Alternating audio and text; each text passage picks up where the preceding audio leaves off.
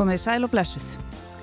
Ég heiti Sunna Valgeradóttir og hef umsjón með vikulokkonum sem eru að hefjast hérna á rás 1 í dag, lögardaginn 18. februar. Við höfum komið okkur vel fyrir hér í hljóðstofu 6 í efstaleiti í Reykjavík eins og venja er alla lögadaga eða flesta lögadaga að minnstakosti. Ég og David Bentsen, tæknimaður, við verðum hérna næsta klukkutíman á samt mjög góðum gestum til þess að fara yfir nokkur mál sem að fóru hæst í fréttum í vikunni. Og gestir mínir í dag eru þau Sigurður Örn Hilmarsson, hann er formaður lögmannafélagsins, Skúli B. Gerdal, hann er verkefnastjóri hjá fjölmiðlanemnd og Líf Magniðudóttir, borgarfulltrúi Vinstri Græna og Ottviti í borginni. Verið velkomin. Takk hjá Fylltuði bílana ykkar í vikunni? Líf, varstu kannski bensinlaus á leðinni? Hinga upp þér? Ég á 100% ramagsbíl. Að sjálfsög, hvernig spyr ég? Eða maður minn á hann. Já. ég á enga bíl. En þú, þú er nú akkurir einhver. Já, ég er á tvinnbíl, þannig Nú, ég hafði ekki miklar áhugjur, ég hugsa að maður gæti redda sér í mitt á ramagninu efa. Já, ég sé ekki, góða fólkið er hérna með þér í stúdíunum. Já, ég líka á á ramaspíl. Það er svo leiðis. Ég þurfti ekki að hafa mikla ágjör af þessu. Þú er bara með besta góða fólki. Það er bara alls er við svona vestubæði að klíka hérna við, við líf sko. Við erum meðal aldrei austur fyrir lækin sko. Nei, við erum alltaf bara í strætu eða lapandi. Þannig að þetta, þið hefðu ekki verið uggandi yfir þessum hamfara fréttum af, af lokunum bensinstöðva og Ég hugsaði sko, burt sér frá öllum verkfallsaðgerðum, þá hugsaði ég, já, heyrðu, ok, strætu er búin að fá undan þáu, þannig að kannski verður þetta til þess að fólk bara átti sig á hvað strætu er frábær og getur bara losað sig við bílinn og spara peningin. Og virkaði klappa appið? Já, það er nú farið að virka, en það er líka hægt að köpa kort, já. þannig að þetta er allt bara, þú veist, þetta eru lausnir en ekki vandamál. Heyr, heyr. Eh, eins og hlustendur heyra þá erum við að byrja vikulokkin, það er ekkert hægt að byrja þau öðruvísi en á þessu, þessu havaríi sem er búið að vera í gangi alla vikuna og, og, og síðustu vikur endar líka. Um, þetta var í fréttonum alla daga, frá mótni til kvölds. Stundum á nóttunni líka þetta voru kjara viðræður og ekki viðræður, eblingar við samtök atvinnulífsins, það voru verkvöld það var miðlunar tillaga, örlaðarík miðlunar tillaga og það var úrskurður landsréttar, það var sáttasemjari sem steg til liðar og nýr kom inn og eins og kom inn á sumir alls ekki allir greinlega hömstruðu bensín. En mér langar að byrja á því að, að spyrja þig, Sigurður Örn, formaður lögmannafélagsins. Um, við skulum halda okkur bara við, uh, við erum búin að afgreða verkvöldin og, og bensinnið og Mér langar að halda mig aðeins við núna bara þetta sem að gerist hjá embætti ríkissáta mm. semjara og uh, þetta svona í mjög einfölduðu máli snýstum það að viðræður voru ekki að bera árangur. Aðalstitt Leifsson uh, leggur til þessa miðlunartillögu uh, sem að honum er heimilt að gera sem ríkissáta semjara sem er einhvers konar um, já, tillaga að, að uh, samningum mm. og ebling, eða kvorki ebling nýja samtök aftunlýsins voru sáttið það mm. þannig að þessu er skotið til domstóla mm.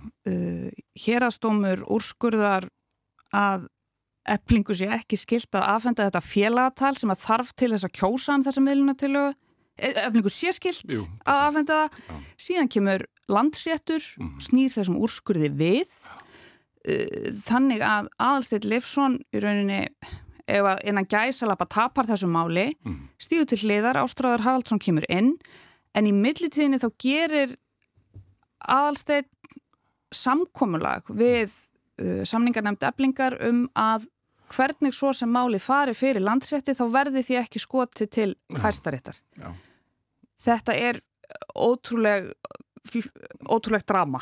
Hvernig hvernig blasir þetta ég er raunverulega búin að skrifa niður hvernig já, já. blasir þetta þá er nú kannski rétt líka að geta þess svona koma, fyrst ég er nú lögmaður sko, koma mm. með svona almennan fyrirvara já. það er skoðanir sem að Sigur Örn lýsir hér í þessum þætti, er hans eigin þurfu ekki endilega að speikla sjóna með þeirra þúsund lögmanna sem Akkurat. eru skildaðir til að vera í Akkurat. félaginu mínu en svona hafandi sagt það, það er þetta, þetta mjög skrítið og, og hérna, maður fylgis með þessu úr, úr fjarlæð og það er að segja svo margt um þetta fyrsta lagi varðandi sko þannig lagalega vingil að þá finnst mér það blasa við að þarna hafi sko ríkisátt að semjarinn samið af sér.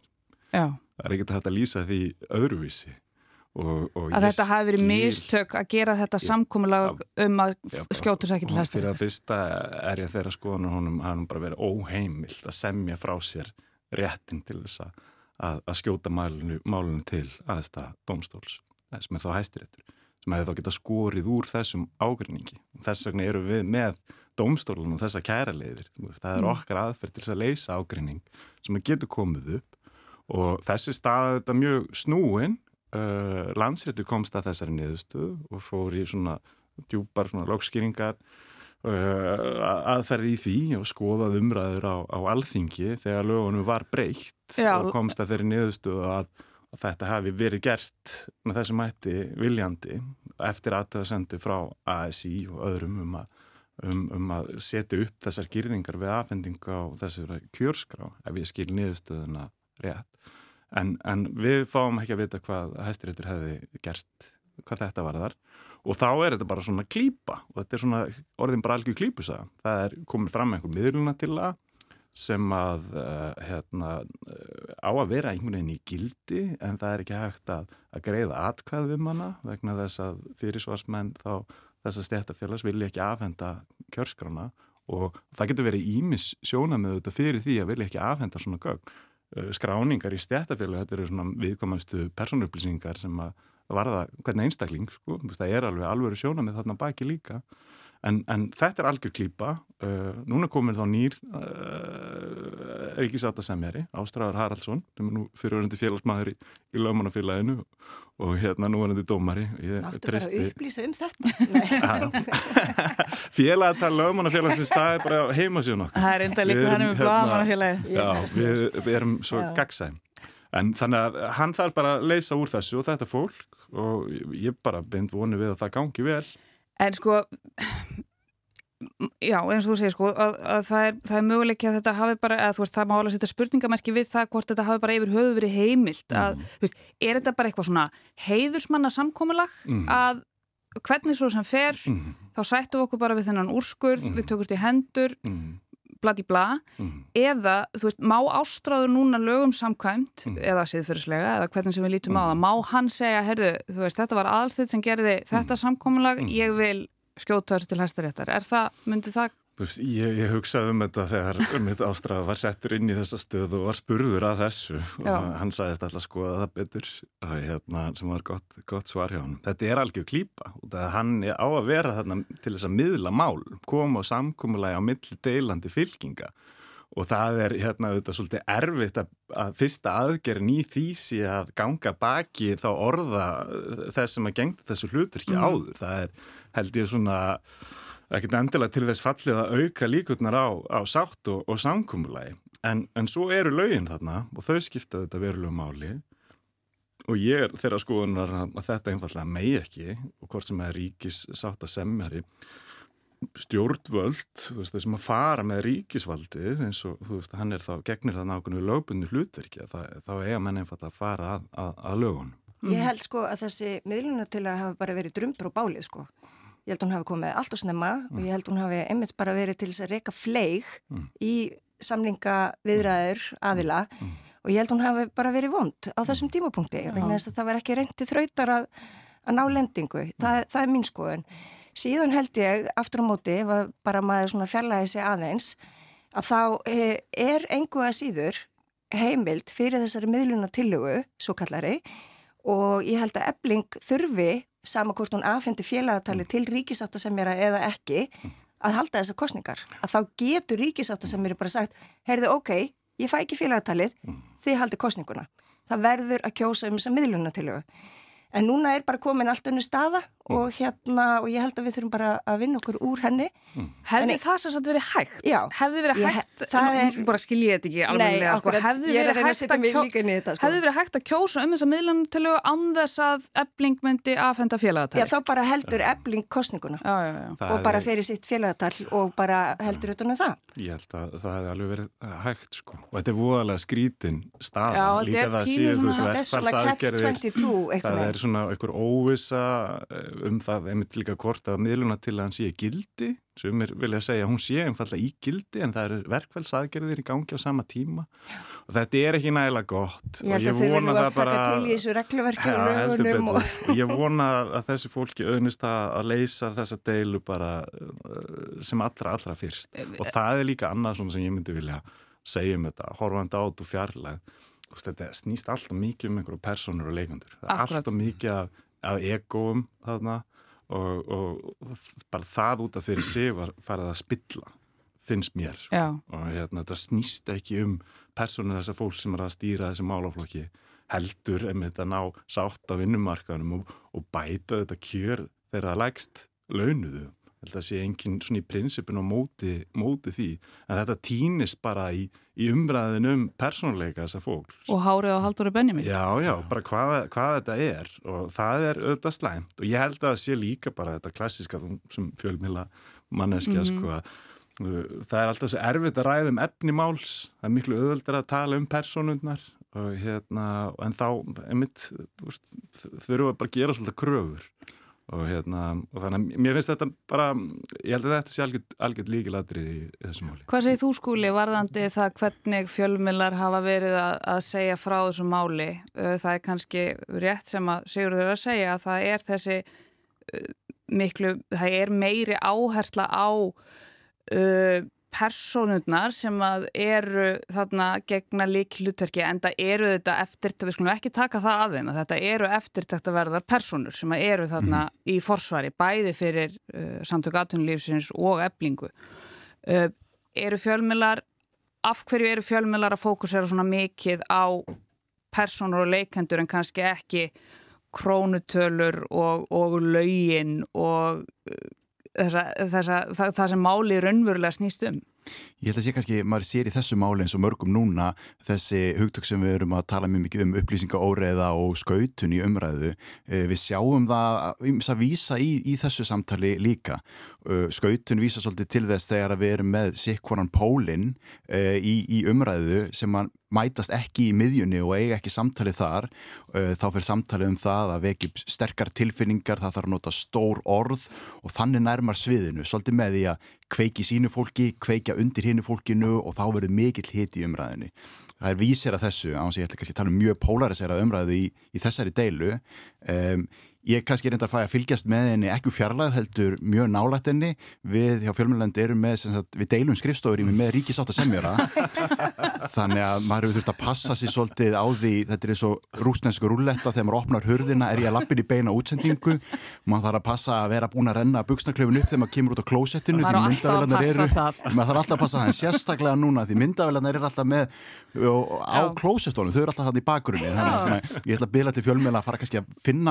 í ég ramma við starfsfólk, þetta er erfitt. Urskil. en kosturnu þetta er sá að maður getur leift sér núna í dag að ég er hættur að greiða mér. Því það er alveg saman hversu úin ég mæti ég er ekki með verstu horgreisluna á svæðinu. Þannig að hérna, þetta hefur verið náttúrulega algjör sirkus að fá að fylgjast með þessu alveg hann að gera sér í framast í sábu óperunni bara á fremsta bekk. Einmitt. Þú talar um, um skautun og polariseringu uh, í samfélaginu.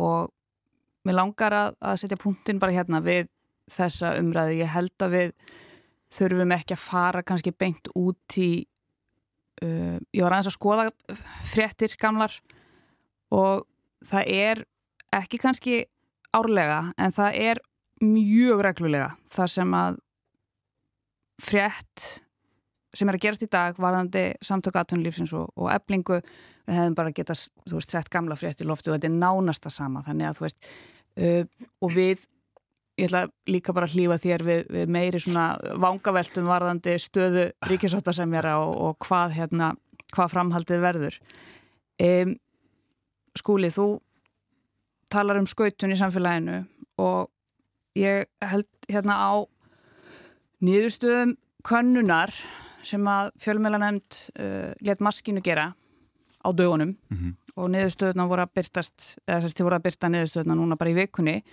og þær eru uh, hálf ótrúlegar finnst mér um, þið voru að mæla þarna viðhorf Íslandinga til hinna ímsu þáta í samfélaginu þemað var upplýsinga óreiða og sundrung uh, segð okkur aðeins frá svona fyrirsögnunum í þessum niðurstöðum. Já, það eru þetta mjög margt í þessum niðurstöðum. Það eru í heildina neikvæðar og, og sláandi og það var þess vegna þegar feng, ég fekk þessa niðurstöður fyrst í hendunar og þá fóð maður strax að hugsa við verðum að ganga úr skuggum að þetta sé aðferðafræðilega skotelt. Já, bara þetta, þetta getur ekki verið svona einhvern veginn. Nei, þetta, þetta getur ekki verið Já. og við höfum samaburð að því þetta er ekki rannsóð sem við gert áður á Íslandi þannig við erum að bera þetta saman við Noreg og, og Svíþjóð og tölurnar eru svo miklu, miklu íktari hér í öllum þáttum. Við erum að kanna hvaða hópa í samfélaginu fólki mislíkar mjög Við konum uh, viðþór til alls konar samsæriskenninga í þessari skýslu. Við sjáum að hatur og upplifuna hatursvöldum ummælum, einelti, áreiti og hótunum og ofbeldi er hlutastlega miklu herra hér enn í Nóriði. Þetta er komið yfir 30% upplifuna hatursvöldum ummælum á Íslandi, 7% í Nóriði.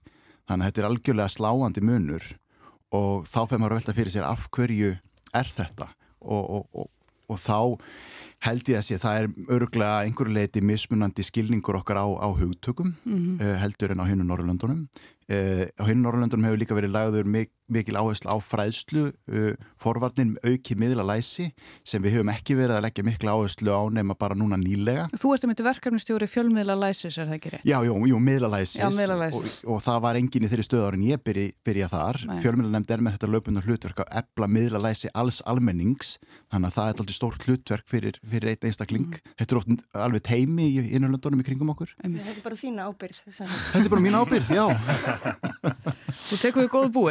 eh, Sko, ef við bara förum aðeins í niðurstöðunar eh, Eitt sem að við langar aðeins að, að ræða við ykkur um er að eh, þriðjungur aðspurðra þriðjungur íslendinga og þeir eru búin að ganga úr skuggum að þetta sé allt saman skotelt þessi könnun og all aðferðafræðin er, er bara eins og hún á að vera mm.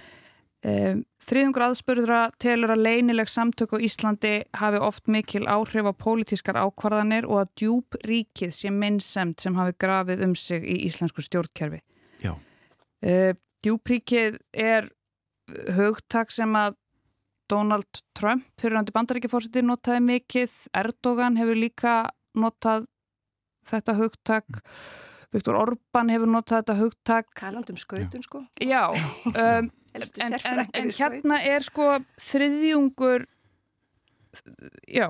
Þriðjungur tekur undir þessa Þriðjungur staðhengu að, að þetta sé mikil minnsamt á Íslandi, djúbríkið. Ég held að þetta sé aldrei svona, þetta endurspeglar tröst í samfélaginu, þetta endurspeglar það að við erum fann að vantrista stopnunum, uh, stjórnvöldum, dómskerfinu þegar við erum fann að aðhellast það að djúbríkið sé farið að hafa áhrif. Djúbríkið er líka hluti af þessu sem Q-annon sem við kannski konust við, mm. um að heiminu sem stjórna barnanísnýðingum og hérna djúbríkinu og sér Hollywoodstjórnum. Já, þannig að hérna, ég held við leggjum kannski ekki alveg sama skilningi þetta en við getum borðið okkur saman í bandaríkin, það er mjög mikil mikil skautun, við viljum ekki fara þangað þess vegna þarf að bregðast í svona niðurstöðum, það er önnur, önnur staðin hérna að það sé verið að vega að norrænum og kristnum gildum á Íslandi með að beina hingað vísvitandi ströymi flótafólks frá miðausturlöndum og það var 25% sem tók undir þessa fullirtingu. En sko, eh, já En núna er þetta spurning, nú bara veldi ég fyrir mér aðferðafræðinni, nú er þetta spurning sem er lögð fram og hún er skrifuð svona.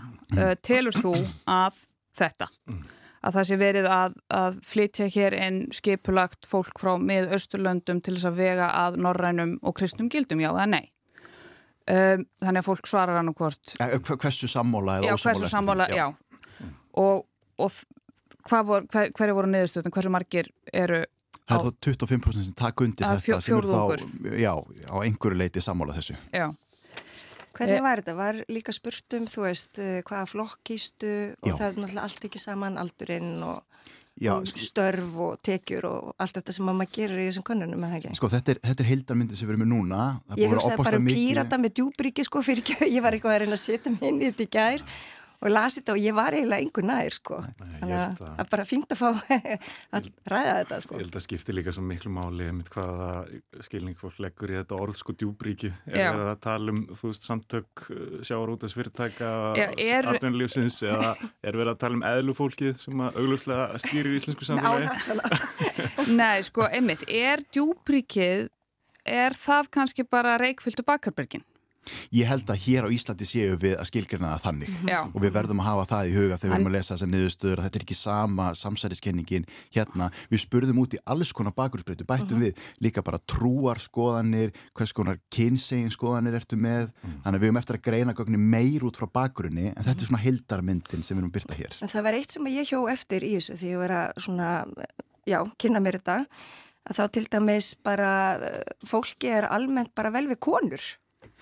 að þá og ég hugsaði bara, ha? Ég bara á samfélagsmiðlinu það bara hatta fólk konur. Og bara ógeðslega illa að tala um konur og, og hérna og sérstaklega konur í stjórnunastöðum svo það sé sagt og það, ég hef bara komið mjög óvart. Svo þannig að fyrir nefa Ég held að, að það sé kannski ekki stór hluti en Nei, þú veist, ég, það, það verður að spyrja kannski eitthvað fólk já, bara konur, líka vel við konur og þá bara hugsa maður um mömmu sína og segir bara já, ég bara elska konur. En svo bara ferður samfélagsmiðla og það verður bara eitthvað róf og ég held að mm. þessi samfélagsmiðlar séu í rauninni að fjarlæga okkur frá fólki. Já. Þetta verður bara svona ógreinlegt, uh, svona óraunverulegt eitthvað fólk og þú mátt bara segja hvað sem er á samfélagsmiðlum. Ég held að þetta sé þetta. Ég er hérna, maður er alltaf að reyna að alveg börnið sín sko og ég var að að gera þann grein fyrir þessu svona þessum rytturum líkla bórtsins sem eru stundum að tala um pappa sin og þetta er sama sko vorum, ég var einhvern veginn með dóttur minna að keira það var einhver maður sem að flöytaði mjög hastarlega á mig og gaf mér svona ákveðna fingrarhefingu sko. Og, og ég sæði við að dóttur mín að sko það myndi aldrei gera þetta ef við varum gangandi sko. En bara bilrúan einhvern veginn skapar skjól fyrir þessa hegðun. Og, og þegar skjárin er komin að þá mm. tapar fólk sér uh, gjörsamlega. En, sko, en þú veist, Já. þetta er held ég einn stæsta meinsand bara uh, vestrænum líðræðis þjóðfélagum, þessi skautun sem er mjög gott orð ég nota alltaf bara polarisering en þetta er svo hættulegt og mm. það eru bara kerfisbunni kvatar sem að íta undir þetta. Ég er mikil svona YouTube maður, elska YouTube og hangi á þessu bara endalust sko.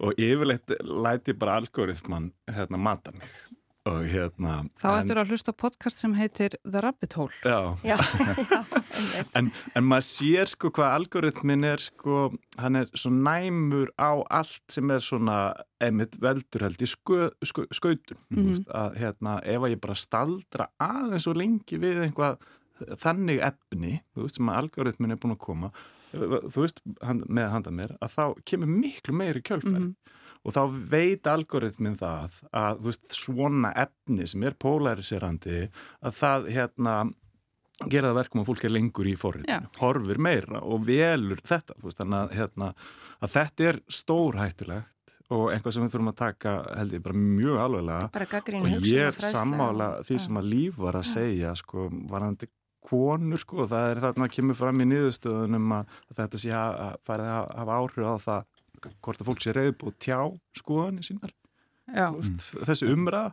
Og, og ég, maður sér það bara þú veist hver viðbröðin er mismunandi gagvart konum og köllum í, í umræðinni, bara í fjölmilum það er bara eh, hérna fer, veist, það er bara miklu minna svírum og maður sá þetta Eh, þetta var náttúrulega í runinu sko, þú veist, ára mótmælendunni mættir fyrir utan heimili kvennana Já, uh -huh. sára sjaldan heima á köllunum þeir, þetta eru bara litli kallar með mótmælaskildi og þeir treysta sér ekki einhvern veginn til að vera mm. fyrir utan hjá einhverjum svona alvörum alfa, alfakalli Vi, Við sjáum satt í þessu að þú veist konur mælast langmest legstar en á sama tíma sjáum við að feministar mælast miklu herra þannig að með muslimum Já og það já. er alveg eins og í sænskukonuninu að við kannski við elskum konur en okkur ítlaði feministana mm. þannig að það er ákveðin en, en jákvæð í þessu er að þeir hópar sem mælast hæstir eru uh, á grundvöldi skoðana ekki kyns eða þjóðurnis eða trúabræða. En það er endar hérna svo litið áhugavert líka að sagt, stærstu súlunar sem að fólki, sem að flestum líkar mjög illa við eða frekar illa. Spurningin er sagt, er einhver hópur hér sem þér mislíkar mjög uh -huh. og svo er bara mm. listi af alls konar hópum uh -huh og þeir hópar sem að flestum mislíkar mjög eru anstæðingar bólusetninga uh, það er tæp 60% sem að mislíkar mjög anstæðingar bólusetninga. Anstæðingar þungunarofs uh, það er rúm 55% og svo loftslags afnittunar sinnar 52% og svo eru það þjóðarnir sinnar 37%, þetta eru vopnasapnarar. Já, hvers ega þeir að gælda? Það, ég er bara hérna með kesuna mína sem er fordgripur og bara einhver hata mig út í bæ. En, en, einmitt, og hútt kona. En einmitt það er svo áhugaverð, þessi vopnasapnara sem eru mærast 50 hæstu þarna. Í Svíð þá eru þeir ekki stigmatiseraði svona. Nei, en það sem að einmitt, þegar við vorum að farið verið þetta, við vorum að hugsa um hvernig setjum við saman hennar spurningalista um mitt senast ár, þá hugsaum við vopnasafnar að þetta á ekki við hérna í Íslandi. Við Nei. getum bara hend út þessum flokki. Ja, er þetta orð breytist, sem að þið, er þetta hugtak sem þið fenguð? Já, við í raun tökum lista frá Svíþjóð Já. algjörlega og svo bara þurfum að staðfæran íslensku flokkarnir inn og sænsku út en þetta á flokkusjóksum, hann á ekkit við á Íslandi, okkur er alveg sami vopnasafnara en síðan breytist umræðan, það kemur hriðverka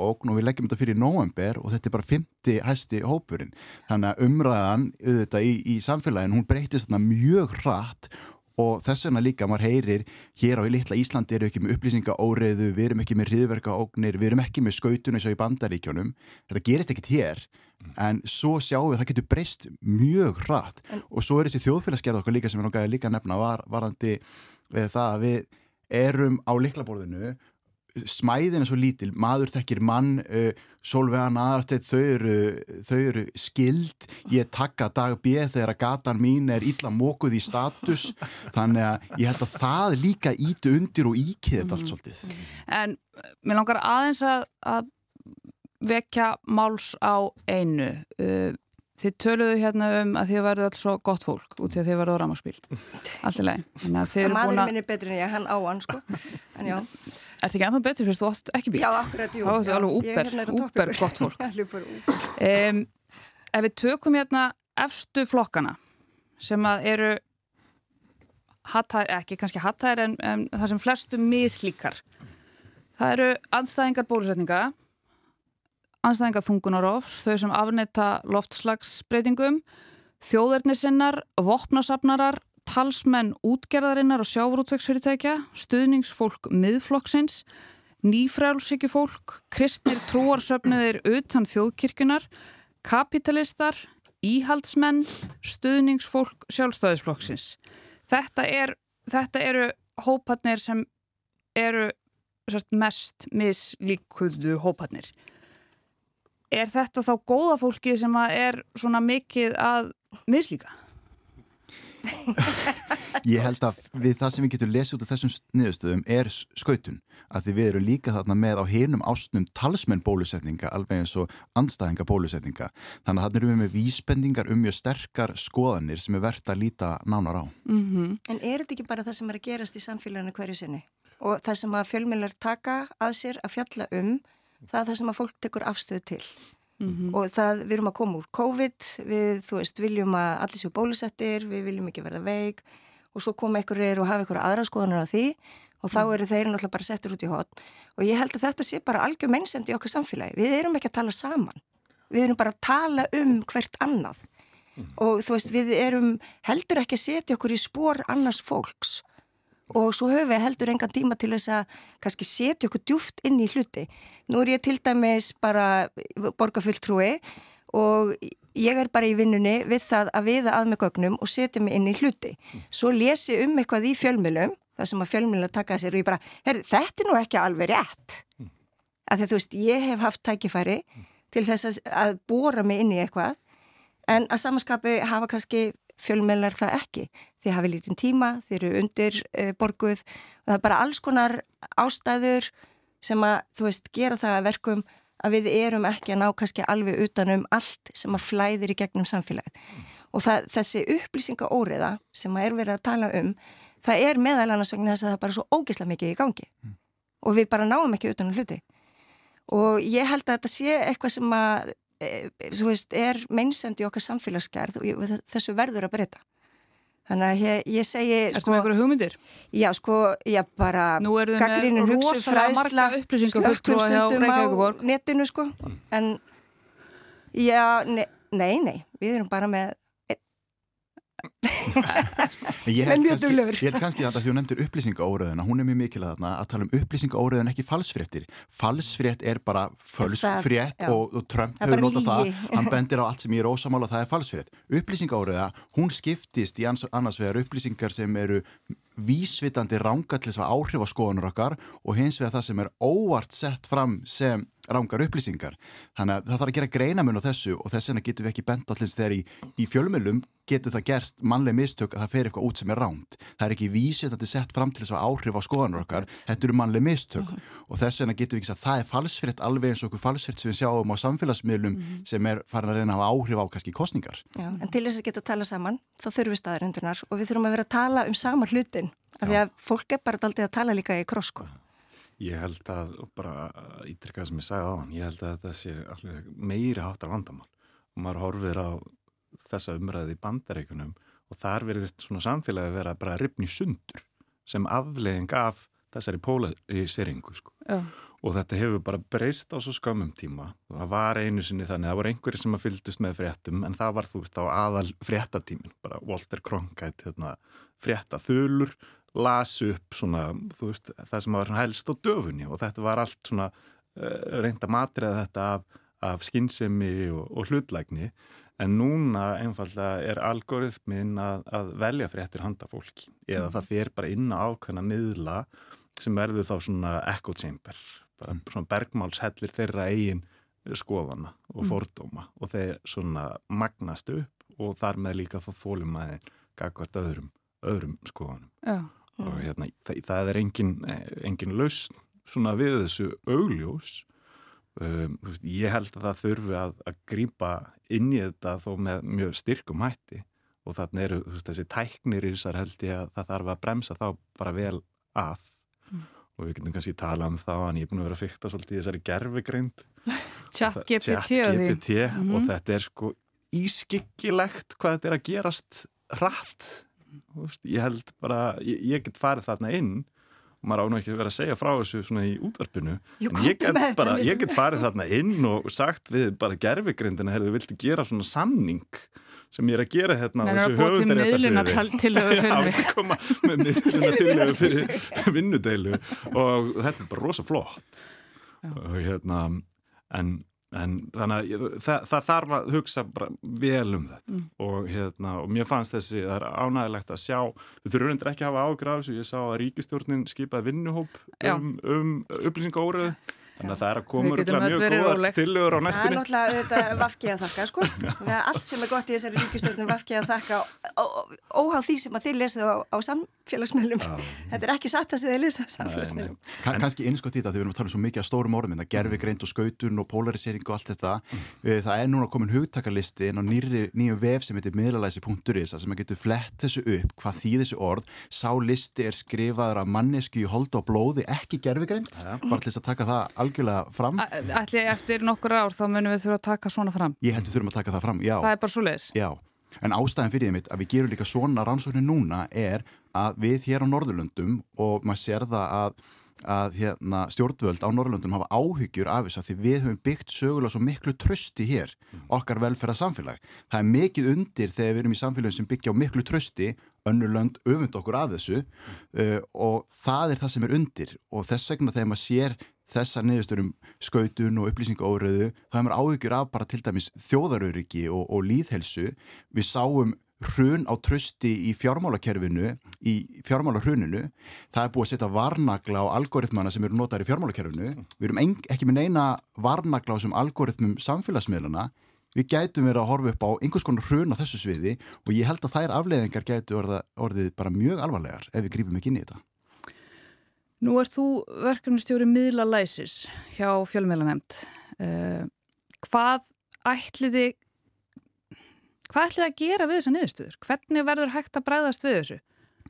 Við erum núna í upplýsing á miðlalæsis viku sem er í fyrsta skipti sem það er gert. Uh, Þetta er búið að vera einn annarsamasta vika sem ég hef nokkuð tíman upplifað. Já, þú er búin að vera allstæðar. Já, við, við vorum með fræðslu átaki öllum skólum landsins, þess að við sendum öllum skólum fræðslu efni til þess að eiga samtalum ábyrga samfélagsmiðlun nótkun. Við opnum nýjan vef, miðlæsi.is, við vorum með málþing já, með fræðsluðurindi á, á hverjum degi og vitundavakningu í, í hérna, umræðinni þessar niðurstur, að því meðlæs er ekki bara fyrir börn og ungmenni, við erum búin að vera mikla áherslu þar og einhver stað það maður að byrja að slökka elda. Við þurfum að nýta þessar niðurstur annars verið því alþjóðlega samstarri sem við erum og líka til þess að sjá hvað eru rauðuflöggir, hvað eigum við að beina fræðslunni til almennings. Næstu skref eru fræðslöfni til okkar sem eldri erum og alveg upp í eldsta aldursópin því að segja sér sjálft að við getum ekki frætt börnin okkur á sama hátt og, og okkur hinn. Nei, en það þurfa þau bara líklega allt öðruvísi fræðslu heldur en við og það er ekki börn sem að svöruðu þessari könnun. Nei, það er ekki börn sem svöruðu þessu, en ég mæli samt með því inn á miðlæs.is getið þið séð fræðslöfni sem við sendum á miðstig uh, grunnskóla. Ég læriði hellinga því að horfa á þau myndbönd og hérna og þau eru búin að vera í síningu til dæmis á Rúvi í þessari viku þannig hérna og ef þau eru á YouTube þá getur þau ekki horta það Þegar þið fenguðu þessar niðurstöður úr þessari könnun uh, þú rakst og þið væntalega hafið ekki upp stóra augu og þið genguð úr skugga um að þetta hafi allt saman verið uh, rétt gert. Þú talar um samanburðun við Norðurlöndin, samanburðun við Noreg En ef við myndum taka samanburðin við til dæmis bandaríkinn, svona, um, hvernig heldur að hann myndi koma út? Eru við líkar í bandaríkjónum heldur en uh, Skandinavíu þegar að kemur að þessari, þessari skautun og upplýsingu órið? Landfræðilega eru við þarna mitt á milli. Jú, jú. Um, Þannig að ég held við séum kannski ögn nær þeim en ég ætla alls ekki að segja við séum komin í bandaríska skautun. Bara, við, erum, við erum klárlega ekki þar. Eh, en, en að samanskapi hef ég auðvitað áhugjur af því að eh, verkefnastjóri miðlæsis eða, eða miðlæsverkefni sem við erum að sjá í þessari fyrstu upplýsing á miðlæsvikunni fyrstu á Íslandi sem er búið að vera í mörga ára á hennu Norðurlöndunum, mm -hmm. við erum ekki búin að leggja áherslu á þetta, við höfum verið eh, svolítið næýf gagvart því, að þetta sé ekki til staðar hér og við þurfum ekkert að gera í þessu, en ég held samt við erum oft svo fljót að taka höndum saman þegar við sjáum eitthvað vandamál eins og við tókum til dæmis á nikotín eh, forvörnum þegar við tókum þær bara og við strauðum þær með einu allsherjar átæki þannig ég held að við getum alveg klárlega gert mjög vel á skömmum tíma og brúðist mjög hratt við ef við erum samstilt í því. En að því hún minnist á nikotínuð og reykinga vantilega að þá er þetta stjórnvöld sem verða að gera eitthvað. Ég menna stjórnvöld bönnu reykingar á veitikastöðum og eitthvað svona. Þannig að það eru oft svona stórar aðgerðir sem stjórnvöld ráðast í sem að segja að skila sér í breyttri hægðin út í samfélaginu. Hvað er stjórnvöldi að gera í nekotínótkun? Ég, nei, ég er að segja sko varðandi til dæmis reykingabanni að því að hann var að tala um já, nikotín. Já, það er nú búið að stopna eins og ekki var að benda að búið að stopna hann að starfsók. Já, þannig að ég held að þetta sé mjög þart verkefni ráðast í og ég held að stjórnvöld séu líkillin af því að breyta ykkur sko. En þá er ég ekki að tala um sko, hérna manna, internetið er ekki bóla, það er komið til þess að vera og þið bara heyrðu það hér sko. Þannig að við þurfum einhvern veginn að aðlæða spreyttum raunveruleika. Það er eiginlega það. En tökum eitt dæmi einmitt að því miðlæsi snýra því að valdefl okkur sem notendur samfélagsmiðlana mm -hmm. inn á samfélagsmiðlum með 13 ára aldurstakmark sem er aldurstakmark sem þeir setja sjálfur til þess að vernda sína hagsmun inn á miðlana.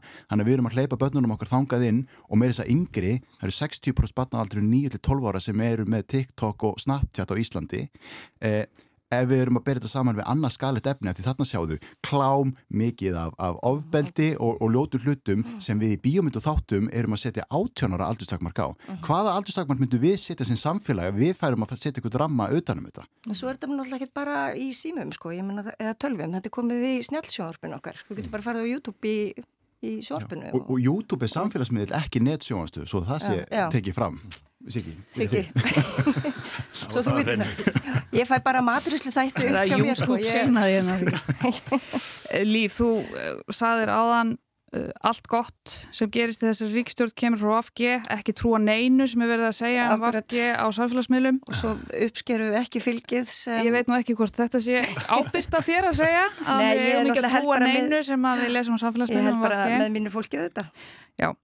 Um, fyrstu konstin á það, þá langar mig aðeins að, að velta því upp að uh, fylgjum afgi samkvæmt nýjustu kannun uh -huh. sem að prósent gerði fyrir fréttablaði þá eru þið bara við það að þurkast út af þingi.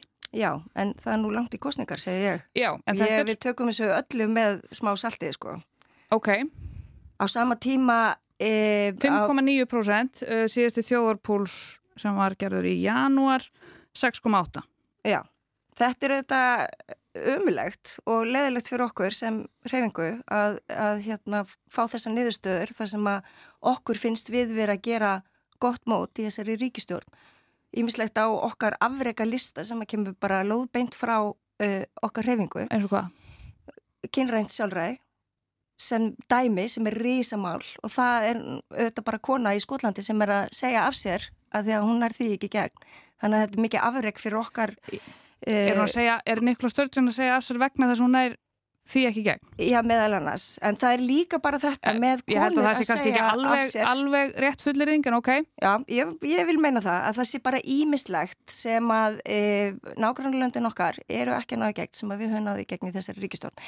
En burt sér frá því og varðandi fylgiskannanir almennt, að þá á síðastu kjörtumlega og sama tíma, á svipuðum tíma, e, þá voru gerða mælingar þar sem að samfylgingin viðreysn og píratar voru bara með eitthvað meirluta og voru bara uh, korter í að mynda ríkistjórn og svo endaði það í kostningum með 25% fylgið þannig að ég tek öllu bara svona með smá fyrirvara sko ég menna kannanir segja okkur eitthvað Við erum nú búin að vera hérna í hálftíma að tala um kannanir Já, akkurat þannig að það segja okkur eitthvað og eru vísbendingum eitthvað sem betum að fara en þeir segja ekki alltaf söguna. En hvað má betur fara? Hvað má bara kostningar og svo kemur eitthvað annað upp á kjörkostum. En mér langar að, að fá frá þér bara hvers vegna er fylgið svona látt hjá Vafki? Hvers vegna er það að mælast svona látt í konunum? Já, ég sko ætla ekki að gerast einhver sjálfskeipaður sérfræðingur í því að greina og lesa kannanir en ég held bara að við meðum bara taka ímslegt til okkar og eigum bara að vera algjörlega æðrulegs og auðmjúk akkvært því sem að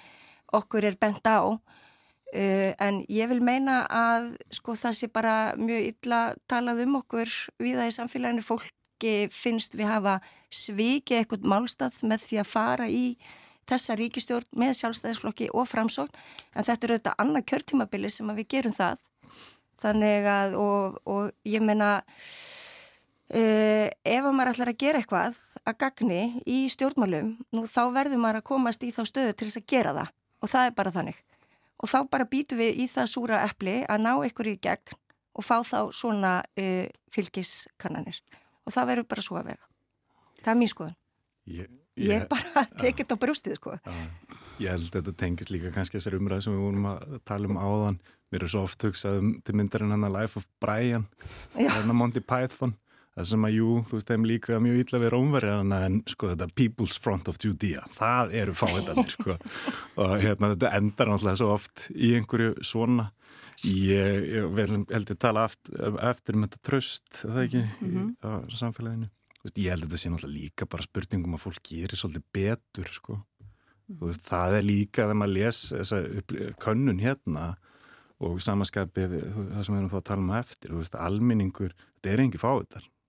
Og, hérna, og þau sjá bara hvað er velgert og hvað mætti gera betur og, og, hérna, og það endur speiklast held ég í mörgum af þessum konunum og við þorum almenning sko. Og aftur svona tengt þessari þú veist kjara deilu, þetta er svo skrítið. Hérna, fjárlega hallin jógst um sko 40 miljardar meðförum þingsins. Fór úr 80 miljardum í 120 miljardar og hérna og svo er ekki hægt að hækka laun uh, skúringafólksins uh -huh. veist, vegna þess að það þarf að viðhalda stöðuleika í íslensku samfélagi og þú veist, fólk e, er ekki fíbl og hérna, það sér bara þetta. Og það endur speiklaðast á í minna trösti til þessara stopnana og, og stjórnmálamanna og, og stjórnmálaflokka. Mm -hmm. En landhelgiskeslan trónir alltaf á toppnum. Ég held að þetta sé eftir þoskastrið Já, nei. já, nei, ég minna þú veist það hefur slökkuliðið og lögreglan, þú veist Veist, það er svona heilbriðsstofnanir hafa yfirleitt hérna, notið mikils COVID-rauk náttúrulega bara heilbriðskerfið upp sko í, í trösti sem dæmi. Ég held að sé líka því að við erum það með... Kanski hérna aðeins fyrir hlustendur til þess að þið vitið um hvað við erum að tala þið eruð að hlusta á vikulokkin á ráseitt ég heiti Sunna Valgeradóttir og þátturinn er langt komin hjá mér eru þau Líf Magnaðudóttir Skúli Geirdal og Sigurður Örn Hilmarsson. og við erum búin að vera að tala um tröst og kannanir og laugin og fjölmiðla. Og við ætlum að halda áfram að tala um tröst vegna þess að Gallup var að byrta þjóðarpúls bara núna fyrir tveimutugum þar sem kemur fram að tröstið eins og Sigurður var að koma inn á er bara minna almennt og tröst almennings í garð flestra ópenbæra stofnana hefur mingað og þessar ópenbæra stofnanir sem eru að missa tröst almennings eru heilbriðiskerfið, Sæðlabankin, Alþingi, Borgarstjórn Reykjavíkur, Lögreglan, Þjóðkirkjan. En það er rétt sem Líf segir að uh, samkvæmt nýjum samkvæmt þessu þjóðapúlsi þá treystir fólk landtilgiskeslinni best og það er einhvern veginn alltaf í þessum konunum eða yfirleitt og svo er það Háskóli Íslands og Embæti Fórseti Íslands sem að tróna þarna á toppnum. Um, Sigurður, þú segir að almenningur við erum ekki fíbl og ég held að það sé alveg rétt. Hvað, sko, nú erum við náttúrulega nýkomin út úr þessum faraldri þar sem einhvern veginn allt eðlilegt öll eðlileg viðhorf og viðmið voru sett á ís einhvern veginn og við þurftum bara að lifa af svolítið og þá er einhvern veginn allt annað sett til hliðar en nú erum við að halda áfram og uh, hvernig lítur þú á neðurstöður svona konnunar þar sem að uh, við erum annars verið með þessa konnun sem að fjölmjölanemnd gerði þar sem að sem sínir þessa miklu polariseringu eða skautun í samfélaginu miklu meiri heldur en mælist á, á hinum Norðurlöndunum. Kannski nær því sem að, á þess að ég sé að fara að kalla okkur litlu bandaríkin en kannski nær því sem að er að gerast í bandaríkunum hvers vegna treystu við ekki hvort öðru? Hvers vegna treystu við ekki stopnunum landsins. Það er kannski rétt að taka fram að sko okkar könnun, þessi hér skísla, hún er hluti aðeins starri könnun. Það mm. er önnur skísla leðinni sem er um tröst. Oh. Þetta tengist og helst í hendur. Hér eru með áhrifaþætti eh, á, á tröst. Við erum núna komið til tíma þar sem við vorum með alemsfaraldur, síðan kemur stríð, það er háverbolga og alltaf þegar það er svona mikil ókyrð í samfélaginu þá eru við viðkvamari fyrir upplýsingáriðu. Við viljum fá einhverja festu, við leitum í einhverju upplýsingar sem við getum treyst og, og þess vegna erum við búin að vera á viðkvamu staðar núna mjög lengi. Við könnum líka og spurðum út í tröst og sáum að tröst er ekki, ekki mikið. Eh, við tókum ekki eins marga þættu og eru þarna í, í þessari könnun og ég fagna því að það sé að koma út á söm, sama tíma þessar skýslur. Eh, hjá okkur varu sóttvarnar yfirvöld á Íslandi, þau voru langhæst í trösti. Eh, en það segir ákveðna sögulíka þegar við erum ekki að trista fjölmjölum, domstólum, stjórnvöldum, þá er þetta svona að maður getur litið á þetta eins og stól það sem þessir stólpar eru svolítið fannir að, að detta undan honum og hann er orðin valdur. Uh, þannig að já, þegar við erum farin að spyrja út í, í, í það hvort við treystum náunganum, fólki út á götu allt byggir þetta á trösti, samfélag okkar byggir á miklu trösti, við geymum börnun okkar í barnavögnum úti að við treystum fólki hér, þannig að það er ofbóstlega mikið, mikið undir. Mm. Líf, þú um, Þú sagðir á þann ekki sérst, ástæðan fyrir því að, að fylgi Vafgi er svona láttur vegna sem fólk er að tala svo illa um ykkur og ekki trúa því sem fólk er að segja um vinstu græn Það var nú sagt svona í glettingi Já, ég veit En enga en, síður en, þá en, er eitthvað sem við þurfum að skoða Já, ég er samt Já. að velta fyrir mér bara er þetta ekki svona ummæli, er þetta ekki einmitt eitt dæmi um svona polariseringu, skautun? Við Jú, og hinn, einhvern veginn. Akkurat, einmitt, en líka viðþór fólks og, og skoðanir, það eru þetta svo einstaklingsbundið og, og personlegt oft líka. Þannig að þú veist, en sko, náttúrulega, maður vill auðvitað fólk sé skeinsamt og taki upplýsta ákverðun um og afstöðu til einhverja tiltekina mála, en þú getur samt ekki krafist þess af fólki að gera það. Og ég held að fjölmiðlar, að þegar nú er talað um fjölmiðlar bara sem fjórðavaldið, Ég held að þeir líka skipti gríðalögu máli til þess að við séum að endurhengta bara traust yfir höfuð sko. Um, en ég held að við þurfum bara að vera í miklu mera samtali bara við fólk sko og ekki endilega í gegnum samfélagsmiðla fara út til þess og nú sjáum við náttúrulega af þessari nýju könnu sem að Gallup var að mæla mm -hmm. þar sem að borgastjórn bara regu lestuna í, í trösti og það er alveg umhugsunar efni hvernig við endurhengtum tröst mm Og hvernig gerum við það? Jú, bara með því að koma, sko, stjórnmálamenn verða að gera það sem þeir segjast alltaf að gera og ekki lofi upp í ermin á sér. Þannig að ég held líka að með því að við séum varfærin, gerum bara góð plön og, og svo hérna framfylgi því sem við segjum, ég held að það endur hendi líka tröst í samfélaginu. Sigur, mér langar að það spyrja þig, uh, hún kom inn á þetta, borgarstjórn Reykjavíkur nýtur minnst mm. minnst Þetta breyti ekki sem framsóttlufa bara núna er borgastöfn Þeirra stofnunar, eh, þeirra stofnunar sem mældar eru í þjóðapúlisum, það er 13% landsmanna sem að bera mikið tröst í borgastjórnar sem er 8% stugum minna enn í fyrra. Mm. Kemur þetta þér á óvart? Nei. Nei, Nei því miður. Nei, þú, eh, sko tröst er áunnið. Það á engin einhverja heimtingu til þess að vera treyst uh -huh. það er bara líki latriði þú verður að vinna þér það inn og gerir það eins og lífur að tala um að koma fram að ábyrgum hætti ekki vera að lofa upp í erminna á þér og mæta þeim viðfangsefnum sem það þarf að sinna hverju í hvert skipti. Veist, ég held að það sé gott fyrir þess að stopnarnir einmitt, að það er alveg svolítið mikið á almanantenglum ég held að það sé gott sko að það, já, það séu þú veist fyrirsvarsmennir fólkið sjálft komið fram og ræði vandamálinn sem er raunveruleg. Ég er með börn í leikskóla Eru þau á leikskóla? Uh, ekki dag, en við vorum það ekki aðeins sem betur fyrir. Og þú veist, þarna, ég misti til dæmis ef það var einhvað tröst í garð borgastjórnar, þá fór það, það hefði verið mannekla á leikskólanum mínum eins og víðast hverjum alla borg um, um langan tíma og það var búið að telja manni trú um það að það væri, veist, skortur á fólki. Við þurfum að ráða fleiri leikskólakennara kannski þarf að hækka launin, gera þetta aðlægandi vinnustad, þannig að börnin geti verið þarna, við þurfum ekki að, að sækja þau fyrr eða það komast einfallega ekki í leikskóla, maður er ekki, ok, þetta er verkefni það er verið að vinna að því. Þú veist, gengur mjög hægt en það er verið að vinna að þessu. Svo kemur bara hérna sviðstjórin, bara aðsti maðurinn í Reykjavíkuborg og segir bara nei, nei, nei, nei, leikskólanir eru yfirmannaðir það er vandamál, það er of mikið af fólki á leikskólum og þá hugsaður almenningur, því þá minnst að ég, bara hvað er að gerast hér, mm. veist, fólk sem skýlur ekki verkefni á ekki að vera að sinna þeim og þar ferur þetta allt tröst út um, mm. um klukkan. Þetta er ákveðin upplýsinga óriða, svo kvöldið. Já, já, þú veist það er bara verið að telja fólki með eitthvað rögl mm -hmm. og hérna þannig að veist, svona, fólk sem að kemur svona fram, það, því á ekki verið að treyst, það, væri, það er vond sko svona falskt tröst það er, það, það er ekki markmið sko. þannig að eðlileg tortrygni sem að getur veist, og, veist, hún, hún á bara rétt á sig Ég tek á dæmið sko, ég er 30 ára gammal og ég fæðist inn í heim það sem er ekkert Wi-Fi eða Bluetooth, þannig að það er búið að breytast mjög mikið. Við eigum samtalin á samfélagsmiðlum, það er verið að íta okkur efni eins og sér eru búin að vera að benda á hérna áður, eh, efni sem að nálgast það að vera bannað inn á samfélagsmiðlum, gróft ofbeldi og gróft klám eftir þess að nálgast þá línu þá breyðustu frekar við því að því það vekur hjá okkur sterk viðbröð. Þar með veit og lesforritið ég þarf að íta frekar af fólki efni sem að vekur þau um sterk viðbröð. Þannig við sjáum meira þessu efni.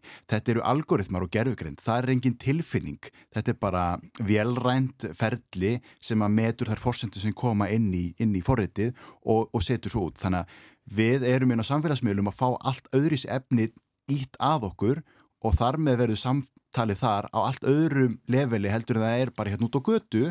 En við sjáum að það er svo mikil tími sem fer í það, þetta samtal okkar inn á netinu að þetta smitast út í samfélagið og við erum fann að tala alltaf meira og meira svona við hvort annað út á götu held ég. Mm -hmm, mm -hmm. Um, Meiri mennsku. Meiri mennsku, já Líf Hvað ætlar að gera um helgina? Heyrðu, nú skaltu heyra, ég er að fara að gera rosalega skemmtilega hluti. Ég er sérst að fara að hitta félaga mína í rittstjórn fyrir landsfundin okkar og við erum að fara yfir álíktanir og stefnur. Ó, þetta hljómar dásamlega. Já, þannig að bara straxast í þáttin þá er ég þeir eru dásamleir, þannig að þetta er bara gaman sko. Þannig að ég er bara að fara að vinna að okkar málum. Hvenar er landsfundur? Eh, við erum í mars. Já. Þannig að þetta verður bara gaman. Það er verkefni framöndan hjá Instagramum. Heldur betur mm -hmm. og bara við tökust á við það eins og allt annað. Við erum mjög ósérhlífin hreyfing, skal ég segja þér. Þess vegna erum við nú að vinna með þessum tveimur flokkum. Skúli, hvað ætlað þú að gera? Ég er að fara norður í höfustad landsbyðana. Já, sko. Já, ég er hérna og er að fara að kenna í háskólanum alla næstu viku. Þannig að hérna, mér líður alltaf aðeins betur í, í því lofti þar, þannig að þetta verður mjög ljúft. Það er stóð á örugum heimaslóðum? Það er á mjög örugum heimaslóðum, já. Mm -hmm. Og hvað ert að fara að kenna? Fjölmjölafræði, háskólanum, Já. við erum að fara að kenna ljósakamiðlun, taka viðtöl í útvarpi og sjónvarpi og svona.